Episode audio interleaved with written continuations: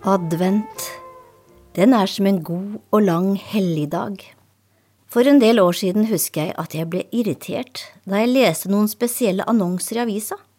Det var oppfordringen om å slappe av i adventstida, ta med familien og gå ut på kafé, sto det. Ja, jeg kunne vel tatt med mann og barn ut på kafé og slappet av en stund, men da visste jeg at jeg hadde enda mer å gjøre da jeg kom hjem.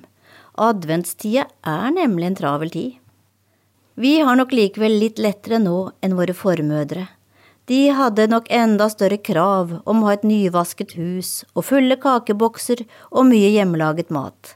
Å gå på kafé tror jeg iallfall ikke de hadde tid til, det var ikke aktuelt. Egentlig så elsker jeg denne travle adventstida, for midt i all travelheten hviler det en slags ro. Jeg har begynt å tenke på at de første elleve månedene i året da jobber vi og tenker på egen lønn og fortjeneste. Men så, i den tolvte måneden, de siste fire ukene før jul, da slippes alle de gode følelsene løs. Da er det de andre som står i fokus.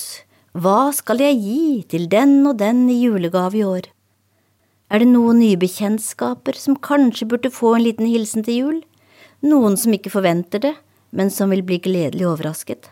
Jeg husker en episode for ti–tolv år tilbake. Da kom jeg med nystekt julekake, sånn stor hvetekake med rosiner og sukkat, til en familie fra Eritrea.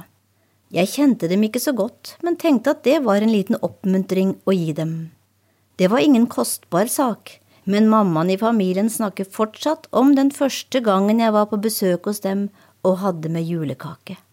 Så var det julehilsener, da. Hvem skal jeg sende julehilsen til i år? Jeg finner fram julekortene fra i fjor, prøver å ta meg tid til å lese gjennom noen av dem, og kjenner både på glede og savn. Nå er det sånn at vi ikke skriver så mange julekort lenger, men mange er flinke til å sende hilsener via mobilen, og bak hver melding ligger det en positiv tanke om å ønske den andre alt godt både i jula og det nye året. Og mens jeg da står på kjøkkenet og blir litt sliten både av kakemenn og pepperkaker, smultringer og medisterkaker, og alle hilsener som skal skrives og alle pakker som skal pakkes, da setter jeg på radioen. Og der kommer sannelig hallelujakoret fra Hendels Messias. Tenk for en glede, midt oppe i travelheten.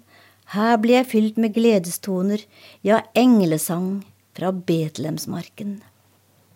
Tenk om vi ikke hadde hatt advent og jul. Da hadde mørketida blitt mye mørkere.